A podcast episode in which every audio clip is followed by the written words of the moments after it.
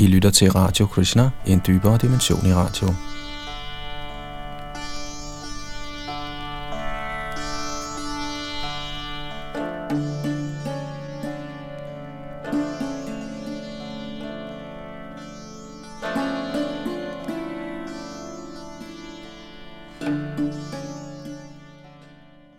Vi fortsætter med vores gennemgang af Srimad Bhagavatam, hvor vi er i gang med 10. bog.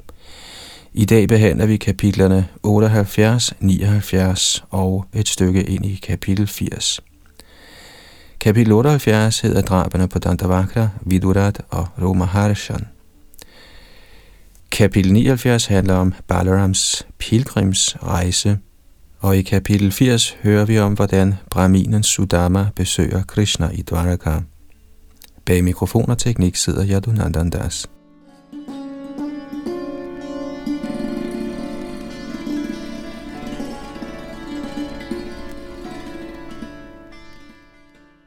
Kapitel 78 Drabene på Dantavakra, Vidurat og Roma Harshan Tekst 1-3 Sukadev Goswami sagde, ud af venskab over for Sisupal, Shalva og Poundrak, da alle var gået til det hensides, dukkede den onde Dantavakra op på kamppladsen i voldsomt raseri, o konge. Helt alene til fods og svingende en køle i sin hånd, rystede den mægtige kriger jorden med sin skridt. Herren Krishna, der så Dantavakra nærme sig, tog hurtigt sin kølle, sprang ned fra sin stridsvogn og stoppede sin modstanders fremrykning, ligesom bredden holder oceanet tilbage. Kommentar Shrila Prabhupada skriver, da Krishna viste sig for Dantavakra, blev hans heldemod i march øjeblikkeligt stoppet, ligesom de store rasende bølger stoppes af stranden.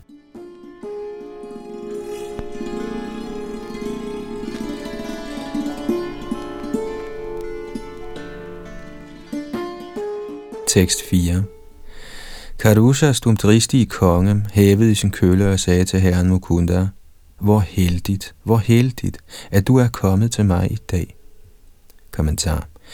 Shalila Sridhar Swami forklarer, at efter at have ventet i tre liv Kudantavaka, der tidligere var dørvogter i Vakuntha, nu vender tilbage til den åndelige verden.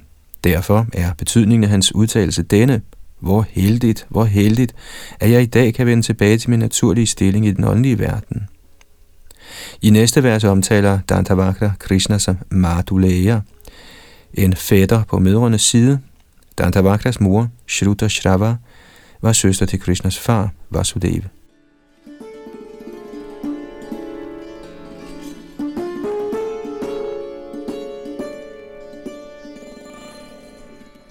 Tekst 5 Du er vor mødrene fætter, Krishna, men du begik vold mod mine venner, og nu ønsker du desuden at dræbe mig. Derfor, Tobe, vil jeg dræbe dig med min tordenkile kølle. Kommentar. Acharyerne har givet den følgende alternative grammatiske opdeling af tredje linje i dette vers. Atastvanggadaya Amanda.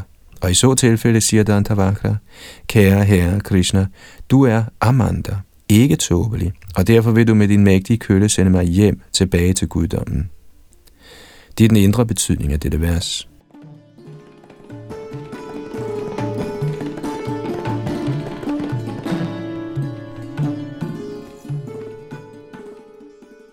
Tekst 6. Da, o du uintelligente, vil jeg, som er forpligtet over for mine venner, have indfriet min gæld til dem ved at dræbe dig, min fjende forklædt som slægtning, der er som en sygdom i min krop. Kommentar. Ifølge acharyerne tilkendegiver ordet agya, at sammenlignet med Krishna er ingen mere intelligent. En videre peger ordet bandhu rupam på, at Krishna i virkeligheden er alles sande ven, og Vyadhim indikerer, at Krishna er oversjælen, genstanden for meditation inde i hjertet, der fjerner vores mentale kvaler. Desuden oversætter acharyerne ordet hatva med gyatva, med andre ord kan man ved at kende Krishna ordentligt faktisk befri alle sine venner.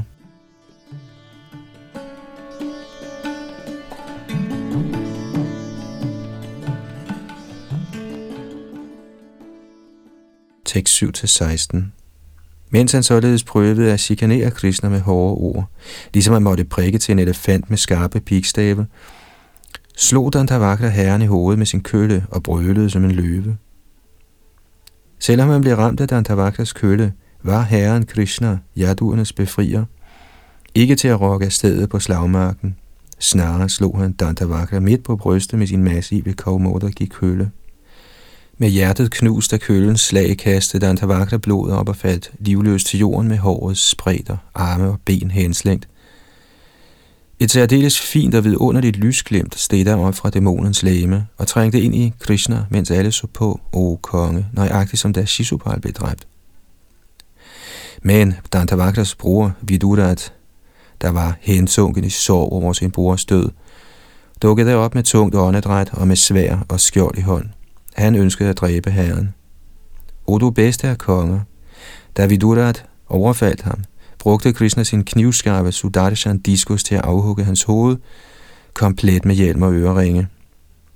Da han således havde destrueret Shalva, hans sårbare luftskib, til lige med Dantavakra og hans yngre bror, der alle var uovervindelige foran en hver anden modstander, blev herren prist af halvguder, mennesker og store vismænd, af Siddhar, Gandharvar, Vidyadhara og Mahoraga, og også af Apsaraer, Pitara, Yakshaer, Kinnaraer og Charanaer.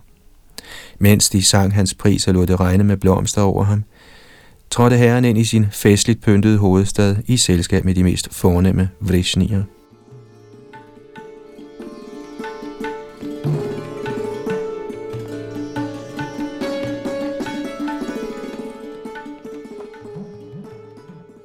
Således er Herren Krishna, guddommens højeste person, mesteren over al mystisk kraft og herre over universet, altid sejrig.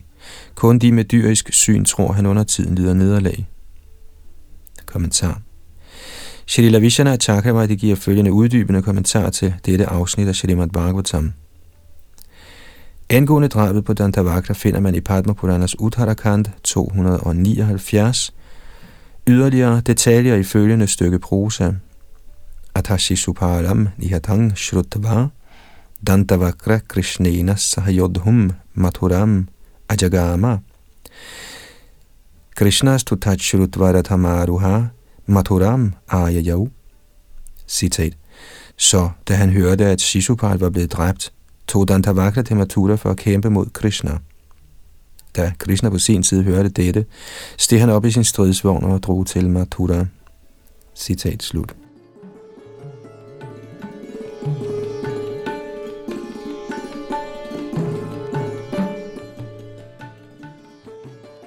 तयोर्दन्तवक्रवासुदेवयोरथोराथं मथुराद्वारे सङ्ग्राम समवर्तत कृष्णस्तु गदया थं जघान स तु चूर्णितसर्वाङ्गुवज्रनिर्भिन्नो महीधर इव गतासुर अवानितले निपपात सोऽपि हरे स्वरूप्येन योगिगम्यं नित्यानन्दसुखदं शाश्वतं परमं पदम् अवाप Citat. Mellem de to, Dantavakra og herren Vasudev, begyndte der en kamp ved Mathuras byport, der stod på hele dagen og natten. Til sidst slog Krishna Dantavakra med sin kølle, hvorved Dantavakra faldt livløs til jorden med alle sine lemmer knust, ligesom et bjerg, der blev splintret af lynet. Dantavakra opnåede den befrielse at få en skikkelse ligesom herrens, og således opnåede han også herrens evige åndelige bolig, opnåelig af fuldendte yogier, og som skænker glæden af evig åndelig lyksalighed. Citat slut.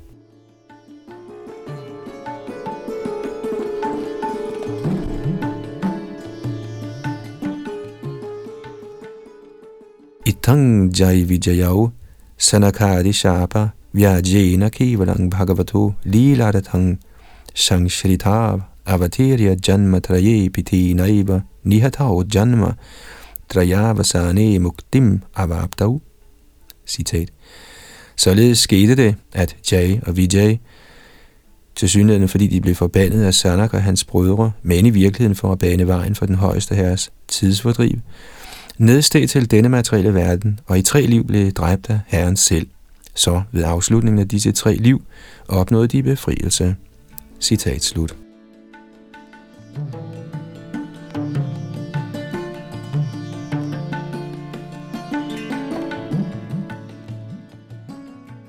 I denne passage af Padma Purana indikerer ordene Krishnas Tutat Shrutva, eller da Krishna hørte om dette, At herren hørte fra Narada, der rejser så hurtigt som sindet, at Dantavaka var taget til Mathura.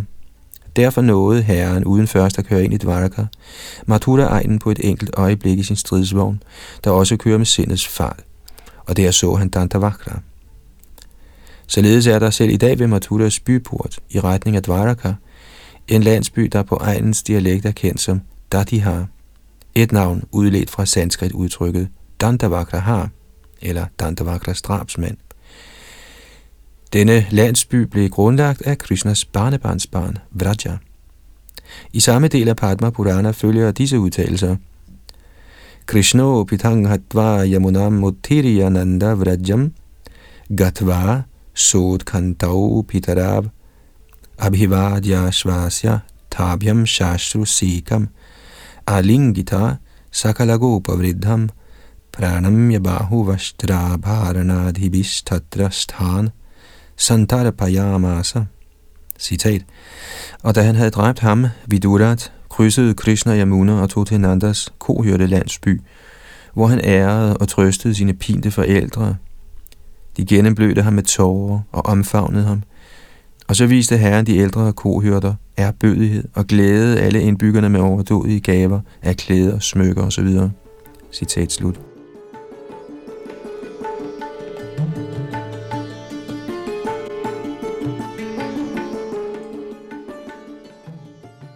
Kalindya pulineram ye punya vriksha samachite Gopanaribhir anishang krilayama sakeshavaha Ramya kiri sukhinaiva Gopaveshadhara prabhu.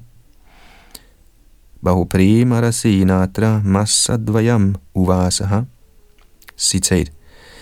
Herren Keshav morer sig uafbrudt med kohørte kvinderne på Karlindis charmerende bred, der var fyldt af fromme træer, den højeste herre, der antog skikkelsen af en kohørte, opholdt sig således der i to måneder og nød glæden af fortrolige tidsfordriv i forskellige stemninger af kærlig udveksling. Citat slut.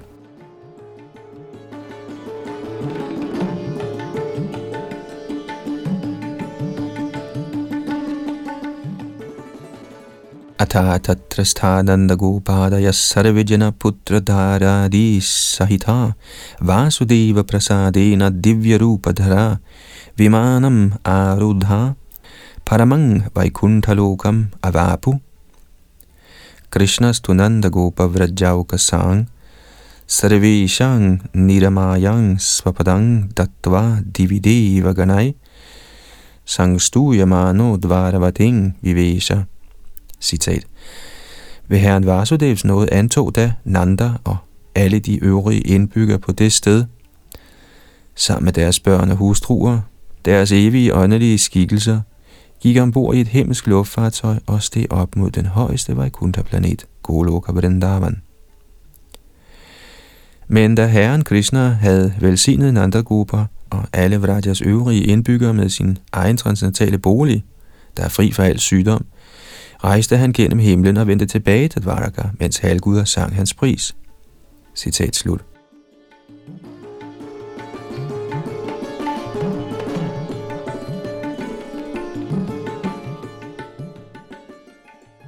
Shrila Rupa Goswami giver følgende kommentar til denne passage i sin Laghu Bhagavatamrit. 1, 488 og 89. Vrajesha derang sabhuta ye Krishna Staneva Vaikunthe Prahinoditi Sampratam. Preshtebhyopi Priyatamair Janair Gokulavasibhi Vrindaranye Sadaivasau Viharang Kurute Hari Citat Siden droner og andre halvguder tidligere var nedstedet på jorden for som delvise ekspansioner at træde ind i Vladjas konge og andre af Vrindavans hengivne, var det denne gang disse halvguds ekspansioner, som Krishna sendte afsted til Vaikuntha. Herren Hari nyder uafbrudt tidsfordriv i Vrindavan med sine fortrolige hengivne, Gokuls indbyggere, som han holder mere af end selv sine mest elskede øvrige hengivne. Citat slut.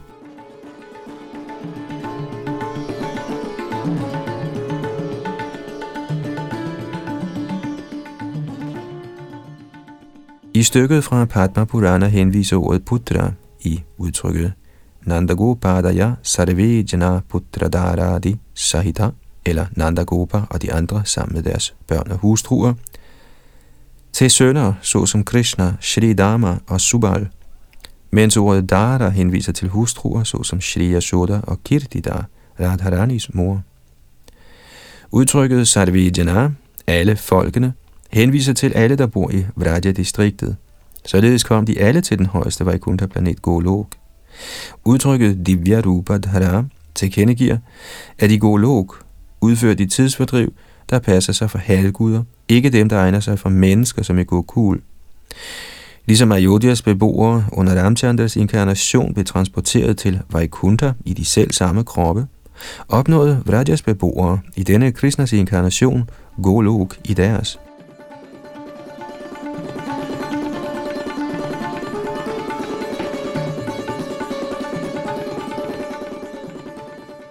Herren Krishnas rejse fra Dvaraka til Vraja bliver bekræftet i følgende passage fra Srimad Bhagavatam 1.11.9. Yaryam bujaksha pasara bhu bhavan kurun madhun vata suhrid didrikshaya tatrabda koti pratimak shano bhavet. Citat. O lotusøjet herre, når du tager afsted til Mathura, Vrindavan eller Hastinapur for at mødes med dine venner og slægtninge, er hvert eneste øjeblik som en million år. Citat slut.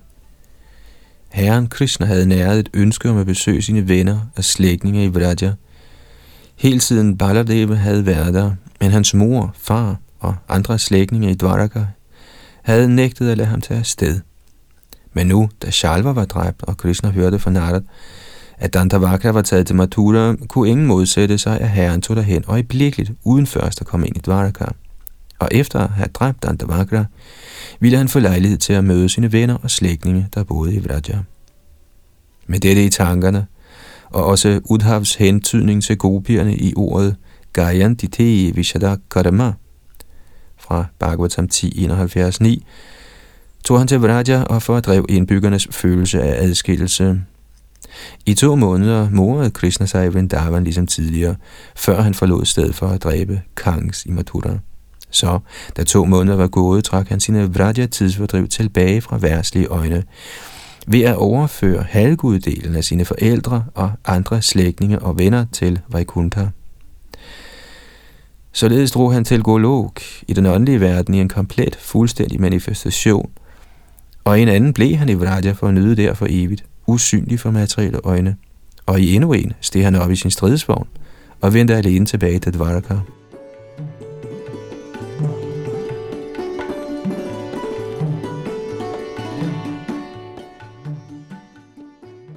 Folk i Sudasen-provinsen troede, at efter han havde dræbt Tavaka, havde Krishna aflagt besøg hos sine forældre og andre nære og kære, og vendte nu tilbage til Dvaraka. Vrajas folk på den anden side kunne ikke forstå, hvor han pludselig var forsvundet hen, og således var de helt forbløffede. En videre mente Sukadev, at Parikshit Maharaj kunne tænke, hvordan kan det være, at den samme Krishna, der bragte kohyrderne til Vaikuntha i deres nuværende læmer, også skænkede den samme gunst til Dvarakas indbyggere i løbet af sin Maushala Lila. Kongen kunne således anse det arrangement for uretfærdigt på grund af sit slægtskab med jaduerne.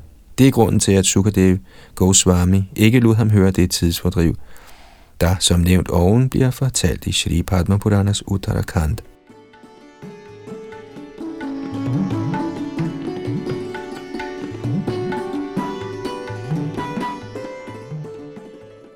I Shri Vaishnav Toshani, der er Sanatan Goswamis kommentar til 10. bog, finder vi følgende løbende liste over tidsfordriv.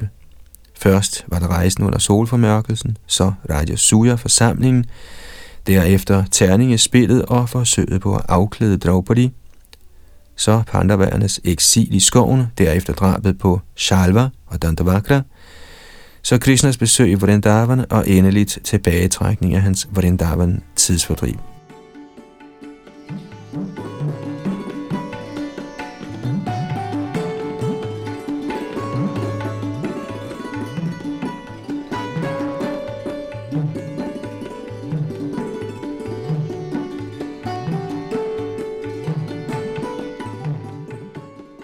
6.17. Herren Balaram hørte da, at kuruerne gjorde sig klar til krig mod pandavarerne. Eftersom han var neutral, forlod han stedet under påskud af at skulle bade på hellige steder. Kommentar Herren Balaram holdt meget af både Duryodhan og Yudhishthir, og for således at undgå en pinlig situation tog han afsted.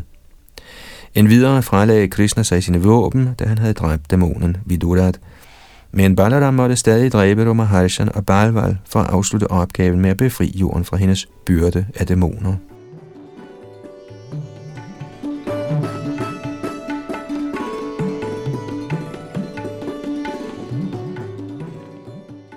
Tekst 18-23 Da han havde badet ved Prabhas og æret halvguderne, vismændene, forfædrene og fremtrædende mennesker, tog han i selskab med braminer til den del af Sarasvati, der løber vestpå og ud i havet. Balaram besøgte den store Bindhusaras sø, Tritakub, Sudarshan, Vishal, Brahmatirtha, Chakratirtha og den østpå flydende Sarasvati. Han besøgte også alle de hellige steder langs Yamuna og Ganges og Bharat. Og så kom han til Naimisha-skoven, hvor store vismænd var i færd med et omstændeligt offer. Vismændene, der i lang tid havde været optaget af deres offringsritualer, genkendte Herren ved hans ankomst og bød ham behørigt velkommen ved at stille sig op, bøje sig for ham og tilbede ham. Efter han således var blevet tilbedt sammen med sit følge, tog Herren imod et æressæde. Så bemærkede han, at Roma Harishan, Vyasadevs disciple, var forblevet siddende. Herren Balaram blev overordentligt vred, da han så, hvordan dette medlem af sutterkasten havde undladt at rejse sig op, bøje sig eller folde hænderne, og også hvordan han sad hævet over alle de lærte braminer. Kommentar Roma Harishan havde undladt at byde Balaram velkommen ifølge nogen af standardmetoderne til modtagelse af en overordnet. Desuden sad han, selvom han stammede fra en lavere kaste, hævet over forsamlingen af fornemme braminer.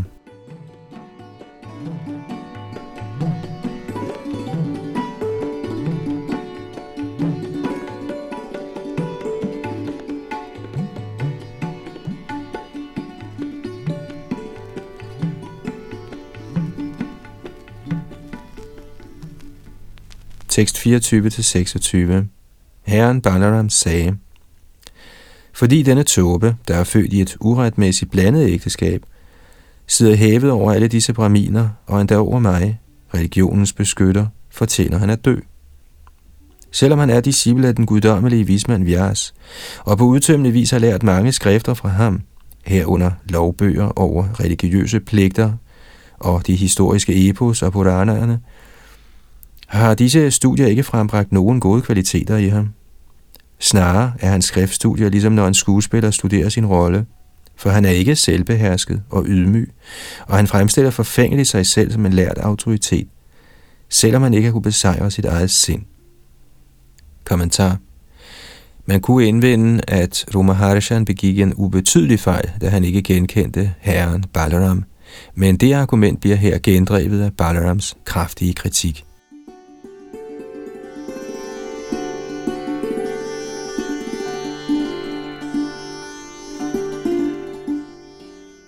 Tekst 27.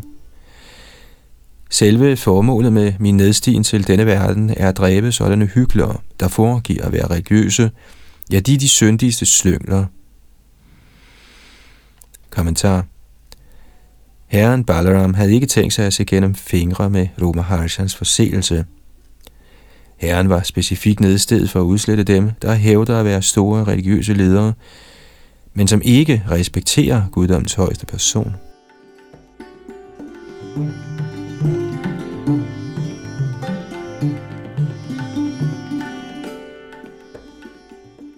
Tekst 28. Sukadev Goswami fortsatte. Selvom Balaram var holdt op med at dræbe de ugudelige, var Haru Maharshans død uundgåelig. Da han således havde talt, dræbte herren ham ved at plukke et kusakrejstrå og berøre ham med et spids. Kommentar Srila Prabhupada skriver, Herren Balaram havde undgået at deltage i slaget ved Kurukshetra, men i sin stilling som inkarnation var det hans forreste pligt at genetablere religiøse principper. Med alt dette i betragtning dræbte han Romaharshan Sutta, ved helt enkelt at prikke ham med et kusserstrå, der simpelthen er et græsstrå. Hvis nogen undrer sig over, hvordan Balaram kunne dræbe Romaharshan Sutta ved kun at stikke ham med et strå kussergræs, gives svaret i Shrimad Bhagavatam ved brugen af ordet Prabhu, herre.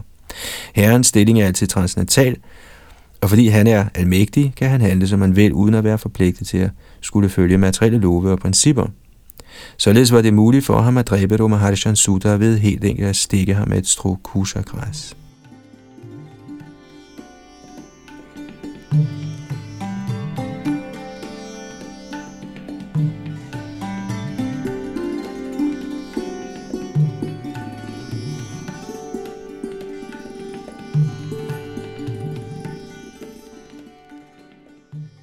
Tekst 29 og 30. Alle vismændene udbrød, ak, ak, i stor sorg. De fortalte herren Sankarshan, O mester, du har begået en irreligiøs handling. O du jarduernes yndling, vi gav ham den åndelige mesters sæde og lovede ham et langt liv og frihed fra fysisk smerte i så lang tid, som dette offer fortsætter. Kommentar Selvom Romaharishan ikke var brahmin, da han var født i et blandet ægteskab, blev han tildelt den status af de forsamlede vismænd og således tildelt Brahmasan, sædet for den ledende præst, der forretter offret.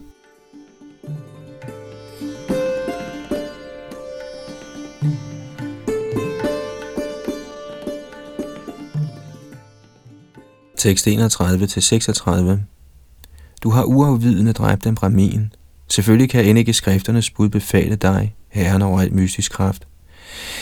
Men hvis du alligevel af egen fri vilje gennemgår de foreskrevne renselse for dette drab på en bramin, o oh, du som renser hele verden, vil almindelige mennesker i høj grad nyde godt af dit eksempel. Guddommens person sagde, jeg vil så sandelig gøre bod for dette drab, siden jeg ønsker at vise medfølelser med mennesker i almindelighed. Fortæl mig derfor venligst, hvilket ritual der skal udføres først. O vismænd, sig blot til, og med min mystiske kraft vil jeg genoprette alt det, I lovede ham. Et langt liv, styrke og kraftfulde sanser. Vismændene sagde, Sørg venligst for, o Rama, at din kraft og kraften i dit kusavåben, såvel som vort løfte og Roma Harishans død, alle forbliver intakte.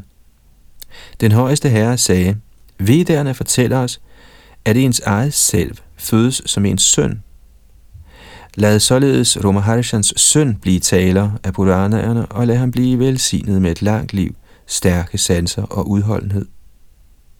Kommentar Shalila Shalidhar Swami citerer følgende vediske vers til at belyse det princip, Balaram her gør gældende. Angad angat sambhavasi hridayad abhigyayase atma putra namasi sanjiva sharada shatam. Citat du er blevet født fra mine forskellige lemmer og er opstået fra selve mit hjerte. Du er mit eget selv i form af min søn. Må du leve gennem 100 efterår. Citat slut. Dette vers finder man i Shatapada Brahmana 14, 9, 8, 4 og Brihad Aranyaka Upanishad 6, 4, 8.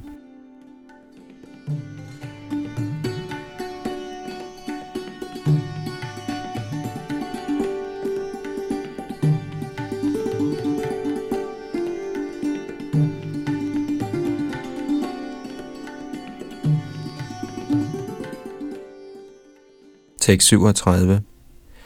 Sig blot jeres ønske, o I bedste blandt vismænd, og jeg vil så sandelig indfri det. Og, o I vise sjæle, fastsæt venligst nøje en passende soning for mig, da jeg ikke ved, hvad den kunne være. Kommentar. Herren Balaram sætter her et perfekt eksempel for almindelige mennesker ved ydmygt at underkaste sig de kvalificerede braminer.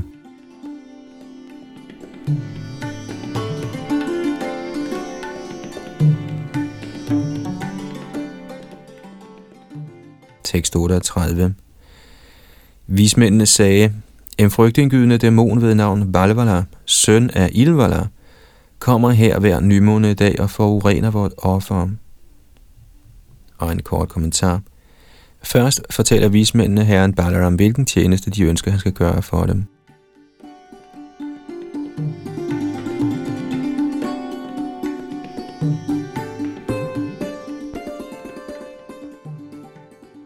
Tekst 39 og 40.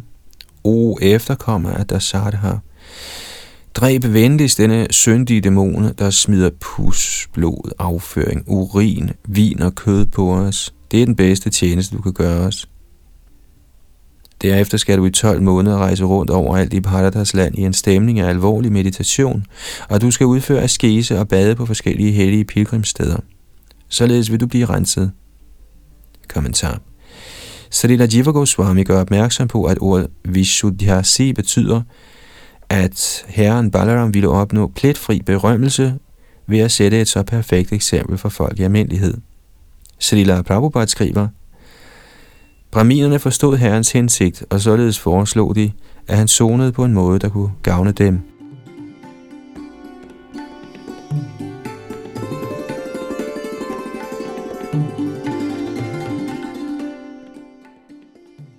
Således ender kommentarerne fra hans guddommelige nåde, A.C. Bhaktivedanta Swami Prabhupads ydmyge tjenere til Srimad Bhagavatams 10. bogs 78. 20. kapitel med titlen Drabene på Dantavakra, Vidurat og Romaharshan.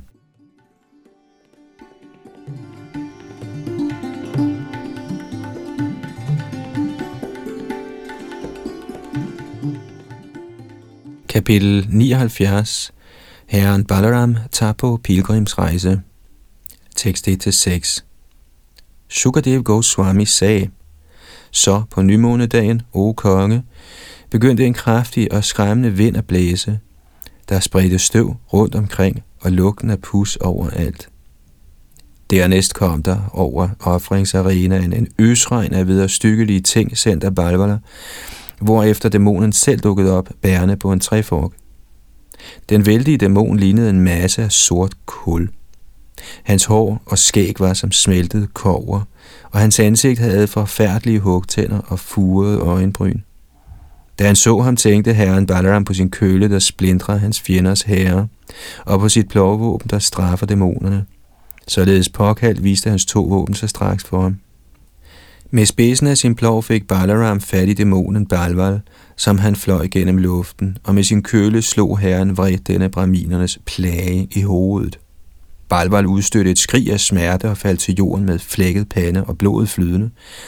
Han lignede et rødt bjerg, der er blevet ramt af lynet. Kommentar. Ifølge acharyerne var dæmonen rød af blod, ligesom et bjerg med rød oxid.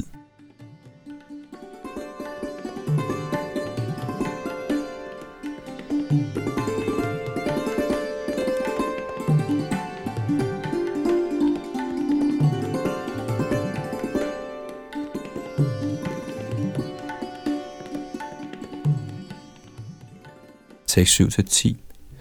De ophøjede vismænd ærede Rama med oprigtige bønder og skænkede ham ufejlbarlige velsignelser. Så udførte de hans rituelle bad, ligesom halvguderne tidligere bad Indra, da han dræbte Vritra. De gav herren Balaram en Vajjayanti-krans af evig frisk lotus, i hvilken lykken skulle residerede, og de gav ham også et sæt guddommelige klæder og smykker.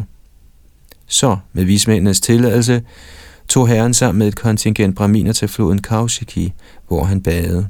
Derefter tog han til den sø, fra hvilken Sarayu-floden løber. Herren fulgte Sarajos løb indtil han nåede Prayag, hvor han badede og derefter udførte ritualer til at formidle halvguderne og andre levende væsener. Næst efter tog han til Pulaharishis ashram. Og en kort kommentar. Pulahar ashram er også kendt som Harikshetra.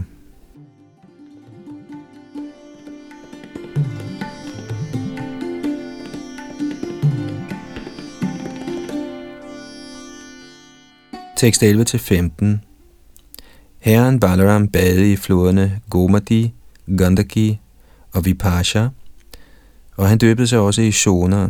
Han tog til Gaia, hvor han tilbad sine forældre, og til mundingen af Ganges, hvor han foretog rensende afvaskninger. Ved bjerget Mahendra mødte han herren Parashuram og fremsagde bønder til ham, og derefter bad han i Godavari-flodens syv forgreninger, også i floderne Vena, Pampa og Bhimarati. Så mødte herren Balaram herren Skanda og besøgte Shri Shaila, som er herren Girishas bolig.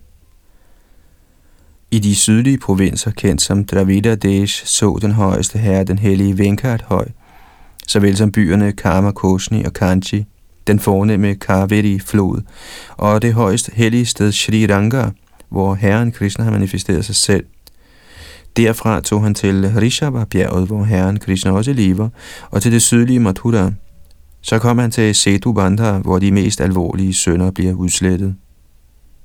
Kommentar Almindeligvis tager man til Gaia for at tilbede afdøde forfædre, men Shrita Vishana Chakravarti forklarer, at selvom herren Balarams far og bedstefar endnu var i live, var det på hans fars befaling, at han tilbad sine forfædre ved Gaia. Med indsigt fra Vaishnav Toshani forklarer Acharyan videre, at selvom Balaram befandt sig i Jagannath Puris umiddelbare nærhed, tog han ikke dertil, fordi han ville undgå den pinlige situation at skulle tilbyde sig selv blandt skikkelserne af Shri Krishna, Balabhadra og Subhadra.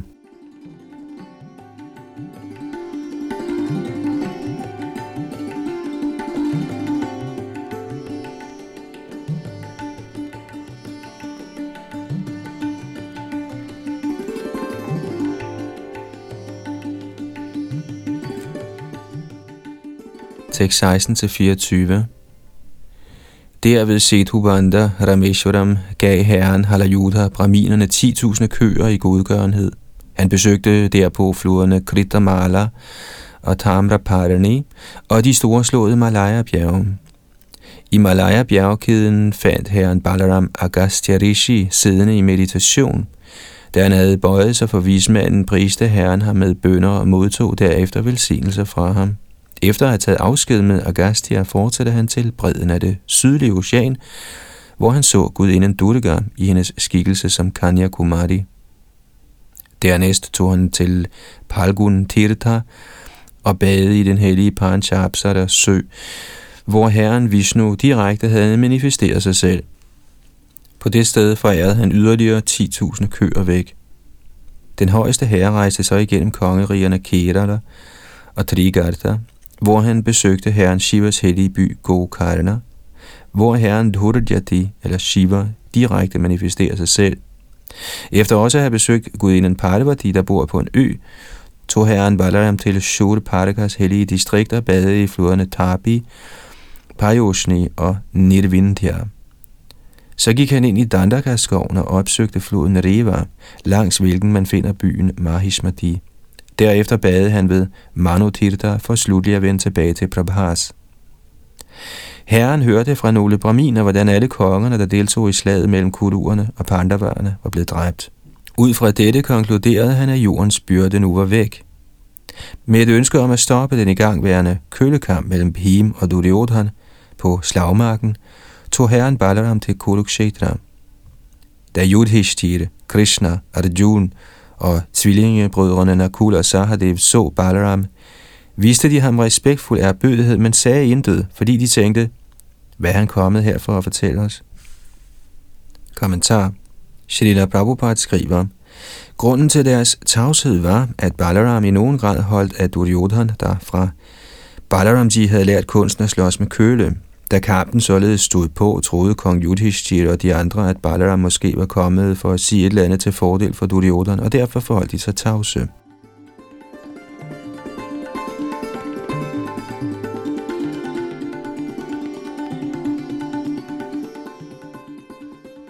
Tekst 25 og 26 Herren Balaram fandt Duryodhan og Bhim med køler i hænderne, og rasende prøvede de hver at besejre den anden, som de dygtigt cirklede omkring.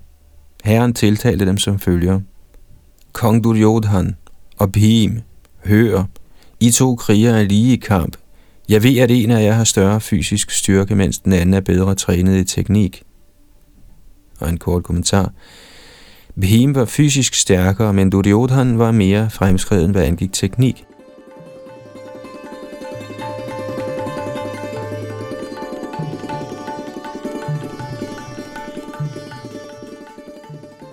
Tekst 27 til 29.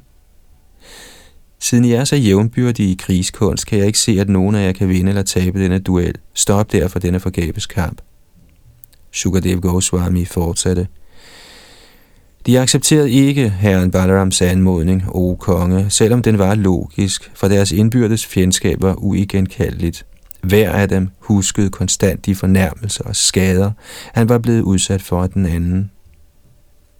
Herren Balaram sluttede, at kampen var skæbnens værk og tog tilbage til Dvarak. Der blev han modtaget af Ugrasen og hans øvrige slægtninge, der alle var lykkelige over at se ham. Kommentar Shrita Vishana Chakravarti forklarer, at ordet dishtam, eller skæbne, indikerer, at kampen mellem Bhim og Arjuna var bestemt af Krishna og sat i bevægelse af ham.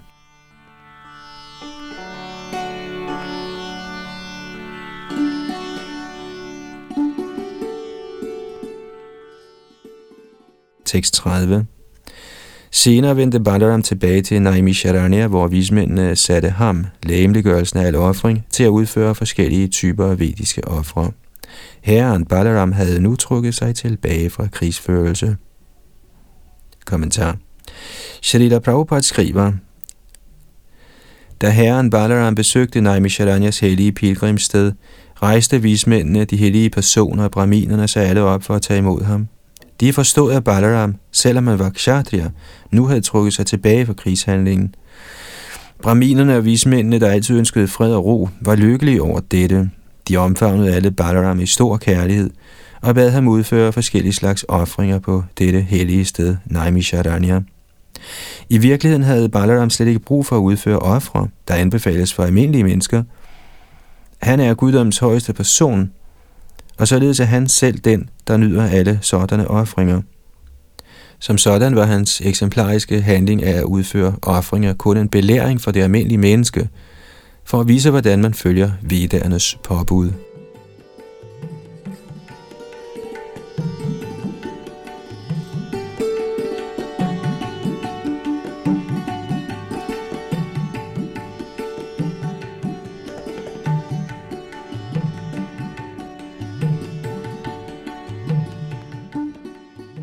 Tekst 31 og 32.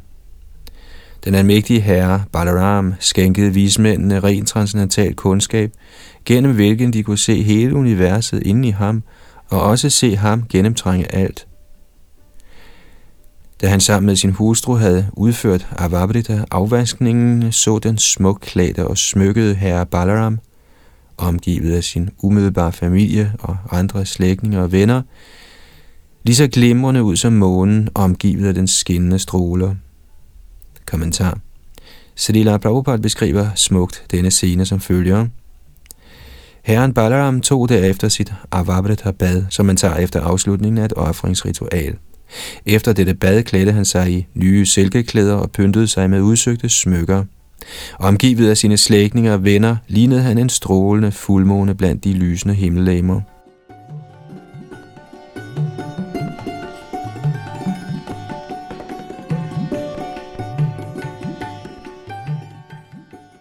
Tekst 33 og 34. Utallige andre sådanne tidsfordriv blev udført af mægtige Balaram, den ubegrænsede og umålelige højeste herre, hvis mystiske yogamaya kraft får ham til at ligne et menneske. Alle den ubegrænsede herre Balarams aktiviteter er forbløffende. En hver, der regelmæssigt husker dem ved daggry og ved skumringen, bliver afholdt af guddoms højeste person, Shri Vishnu. Kommentar. Shrila Prabhupada skriver, Herren Balaram er den oprindelige Vishnu, den som således husker disse Balarams tidsfordriv morgen og aften, bliver så afgjort en stor hengiven af guddoms højeste person, og således bliver hans liv på enhver måde kronet med held.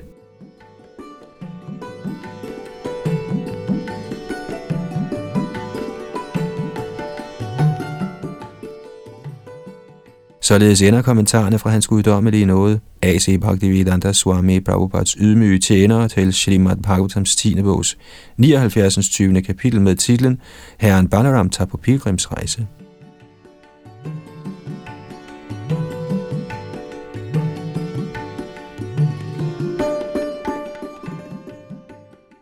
Kapitel 80 Brahminen Sudama besøger Herren Krishna i Dvaraka. Tekst 1 og 2 Kong Pariksit sagde, Min herre, o mester, jeg ønsker at høre om andre heltedåd begået af guddoms højeste person Mukunda, hvis tapperhed er ubegrænset. O Brahmin, hvordan kan nogen, der kender livets essens og er trætte af at stræbe efter sanse tilfredsstillelse, opgive de transcendentale emner om Herren Uttama Slok efter at have hørt dem gentagende gange? Kommentar. Srila Vishana Chakravarti kommenterer her, at man ser mange mennesker, der selvom de gentagende gange har lyttet til emner om Herren, opgiver deres åndelige engagement. Acharya svarer, at ordet Visheshagya derfor er vigtigt her. De, som faktisk har forstået livets essens, opgiver ikke Krishna-bevidsthed. En yderligere kvalifikation er Vishanna Karma Marganai, at væmmes ved materiel sanse tilfredsstillelse. Disse to kvaliteter supplerer hinanden. Den, som har oplevet Krishna-bevidsthedens virkelige smag, væmmes automatisk ved de materielle glæders lavere smag. En sådan ægte tilhører af emnerne om Krishna kan ikke holde op med at høre om Herrens fascinerende tidsfordriv.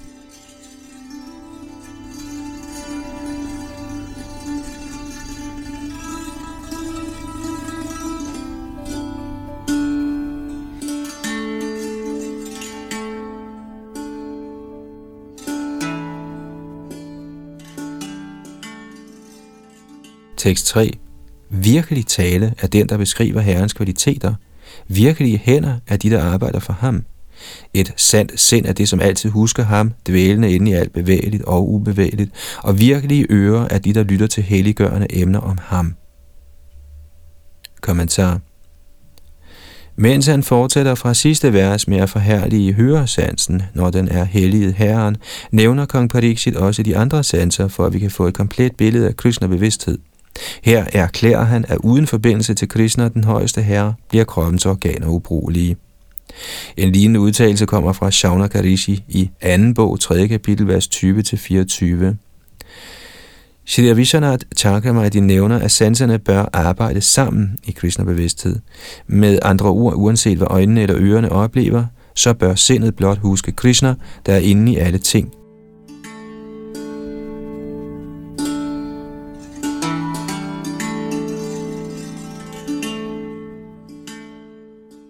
Tekst 4-7 Et virkeligt hoved er det, som bøjer sig ned for Herren i hans manifestationer blandt bevægelige og ubevægelige væsener. Virkelige øjne er de, der kun ser Herren, og virkelige lemmer er de, der regelmæssigt ærer det vand, der har vasket Herrens eller hans hengivnes fødder. Sutta Goswami sagde, således udspurgt af kong Vishnurata, svarede den kraftfulde vismand Badarayani, hvis hjerte var helt fordybet i meditation på guddoms højeste person, Vasudev. Sukadev Goswami sagde, Herren Krishna havde en særlig brahmin-ven ved navn Sudama, der var yderst lært i vedisk kundskab og helt afsondret fra sanselige glæder. Endvidere var hans sind roligt og hans sanser under kontrol. Han var husholder og levede af det, der kom af sig selv. Hustruen til denne laset klædte brahmin led sammen med ham og var udtaget af sult. Kommentar Sudamas kyske hustru var også klædt i pjalter, og hvad end mad hun fik, gav hun sin mand, så hun forblev udmattet af sult.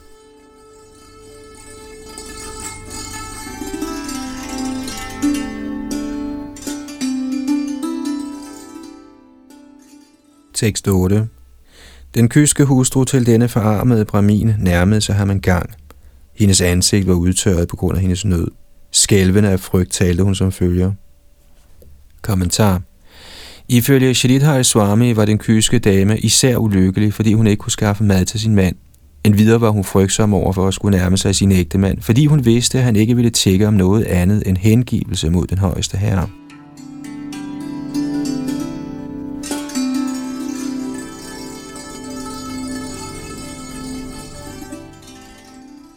Tekst 9. Sudamas hustru sagde, O Brahmin, er det ikke sandt, at lykkegudindens ægte mand er en ven af dit ophøjet selv? Den største af Yadavarne, den højeste herre Krishna, er medlidende med brahminerne og meget villig til at skænke dem sit ly. Kommentar Srila Vishana Chakravarti forklarer i sin kommentar, hvordan Brahminens hustru forudså en hver mulig indvinding, hendes mand måtte komme med mod hendes bøn om, at han skulle besøge Krishna og bede om godgørenhed. Hvis Brahminen sagde, hvordan kan lykkegudindens ægtemand vise velvilje mod en falden sjæl som mig, svarer hun ved at sige, at herren Krishna er brahmania og unødvendigt stemt mod brahminerne. Hvis Sudama skulle hævde, at han ikke besad nogen egentlig hengivenhed for herrene, svarer hun ved at sige, at han er en stor og vis person, der helt sikkert vil opnå herrens beskyttelse og noget. Skulle Brahminen indvende, at herren Krishna er ligeligt indstillet over for alle de utallige ulykkelige betingede sjæle, der lider efter virkningerne af deres eget karma, svarer hun, at Krishna især er de hengivnes herre, så hvis han ikke selv skænkede Sudamas i noget, ville de hengivne, der tjener herren, så afgjort give ham noget godgørenhed. Siden herren beskytter satvatarne, medlemmerne af Yadu-dynastiet, hvilken vanskelighed vil der ligge i at beskytte en ydmyg brahmin som Sudama, og hvilken fejl vil der ligge i at gøre det?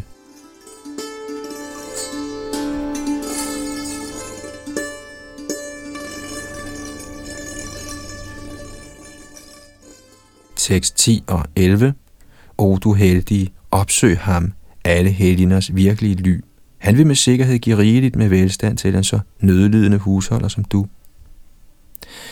Herren Krishna er Bojaernes, Vrishniernes og Andakarnes hersker, og han bor i Dvaraka. Siden han sågar giver sit eget selv til enhver, der ganske enkelt husker hans lotusfødder, hvorfor skulle han, universets åndelige mester, ikke skænke sin oprigtige tilbeder rigdom og materielle glæder der ikke engang er særlig ønskelige. Kommentar.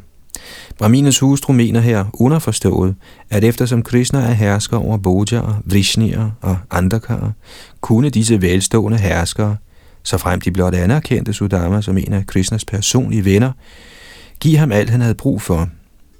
I den forbindelse kommenterer Shrita Vishana Chakravarti, at siden Krishna nu havde fralagt sig i sine våben, rejste han ikke mere ud af sin egen hovedstad Dvaraka, Således skriver Srila Prabhupada i Krishna Guddoms højeste person, og jeg citerer, Brahminens hustru sagde, jeg har hørt, at han aldrig forlader sin hovedstad Dvaraka. Han bor der uden nogen ydre beskæftigelse. Citat slut. Som nævnt her er materiel velstand og sanse tilfredsstillelse ikke særlig ønskelige. Grunden hertil er, at de i det lange løb ikke giver nogen rigtig tilfredsstillelse. Alligevel tænkte Sudamas hustru, at selvom Sudama tog til Dvaraka og kun forholdt sig tavs foran herren, ville han helt sikkert give ham rigeligt med velstand til lige med beskyttelse ved hans lotusfødder, hvilket var Sudamas egentlige hensigt.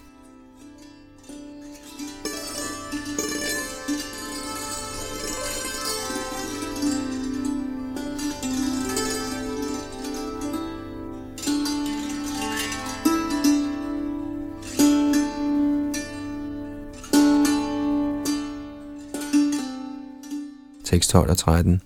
Sukadev Goswami fortsatte. Da hans hustru således gentagende gange bønfaldt ham på forskellige måder, tænkte Brahmin ved sig selv. At se Herren Krishna er så afgjort den største bedrift i livet. Således besluttede han at gå, men først fortalte han hende, Kære hustru, hvis der er noget i huset, jeg kan tage med som gave, giv det venligst til mig. Kommentar. Sudama var naturligt ydmyg, så selvom han til at begynde med var misfornøjet over sin hustrus forslag, besluttede han sig til sidst for at tage afsted. Nu var den sidste detalje den, at han måtte medbringe en gave til sin ven.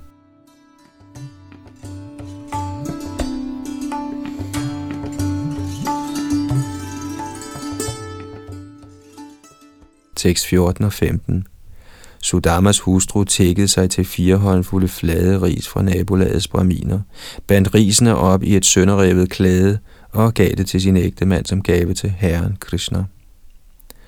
Den hellige Brahmin tog den flade ris og begav sig afsted mod Dvaraka, og undervejs overvejede han hele tiden, hvordan bliver jeg i stand til at få Krishnas audiens? Og en kort kommentar. Blandt andre ting tænkte Sudama, at dørvogterne formentlig ville stoppe ham.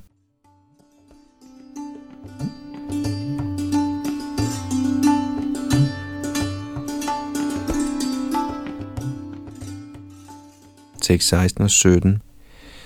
Den lærte Brahmin, nu ledsaget af nogle lokale Brahminer, passerede tre vagtposter og tre porte, og så gik han forbi hjemmene til Krishnas tro hengivne, andakarne og vrishnierne, hvilket ingen ellers skulle gøre.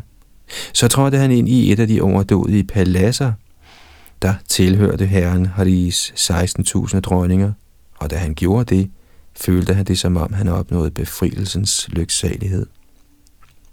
Kommentar Da den hellige Brahmin trådte ind på Krishnas paladsområde, og derpå automatisk igen i et af paladserne, glemte han fuldstændig alt andet, og således bliver hans sinds tilstand sammenlignet med den, man oplever, når man netop har nået befrielsens lyksalighed. Srila Vishana Chakravarti citerer fra Padma Purana Uttarakanda, hvor det fortælles, at Brahminen faktisk trådte ind i Rukminis palads. Satu Rukminyanta Puradvarikshanam Tushnim Stita. Citat. Han stod tavs for et øjeblik i døråbning til dronning Rukminis palads. Citat slut.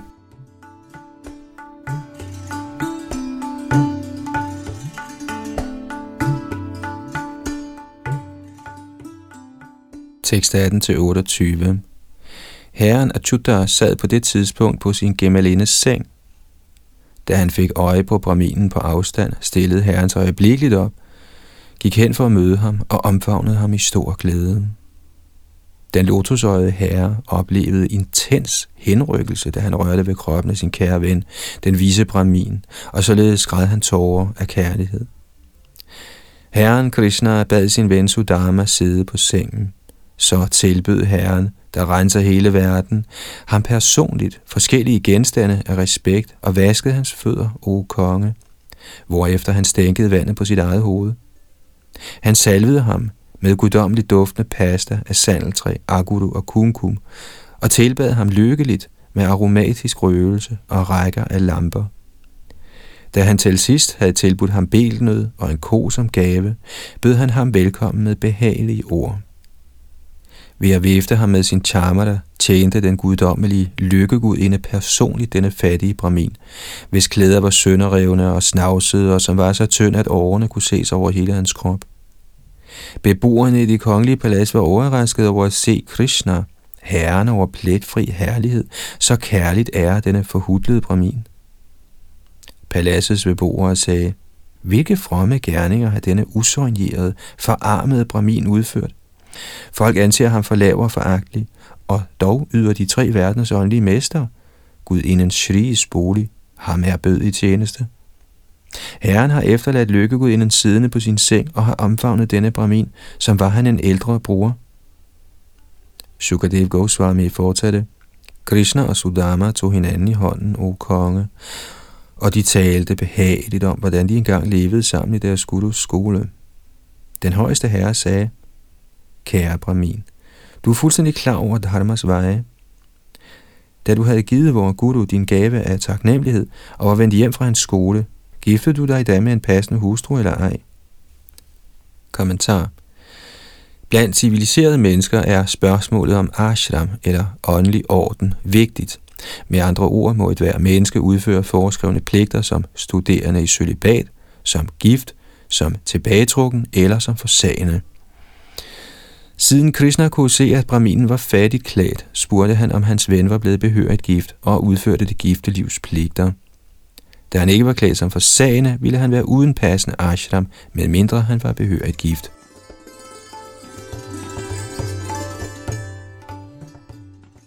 Tekst 29 Selvom du for størstedelen er optaget af hjemlige anlægner, er dit sind ikke påvirket af materielle ønsker. Ej heller, o du lærte, finder du mig en glæde i at stræbe efter materiel velstand. Det er jeg fuldstændig bevidst om. Kommentar Herren Krishna afslører her, at han faktisk var helt klar over sin vens situation. Sudama var i virkeligheden lært og åndeligt avanceret, og derfor havde han, modsat almindelige mennesker, ingen interesse i almindelig sansenydelse. Desværre løber tiden fra os, og vi må afslutte dette kapitel næste gang, hvor vi altså fortsætter med tekst nummer 30 her i kapitel 80. Bag mikrofon og teknik sad Yadunandan Das.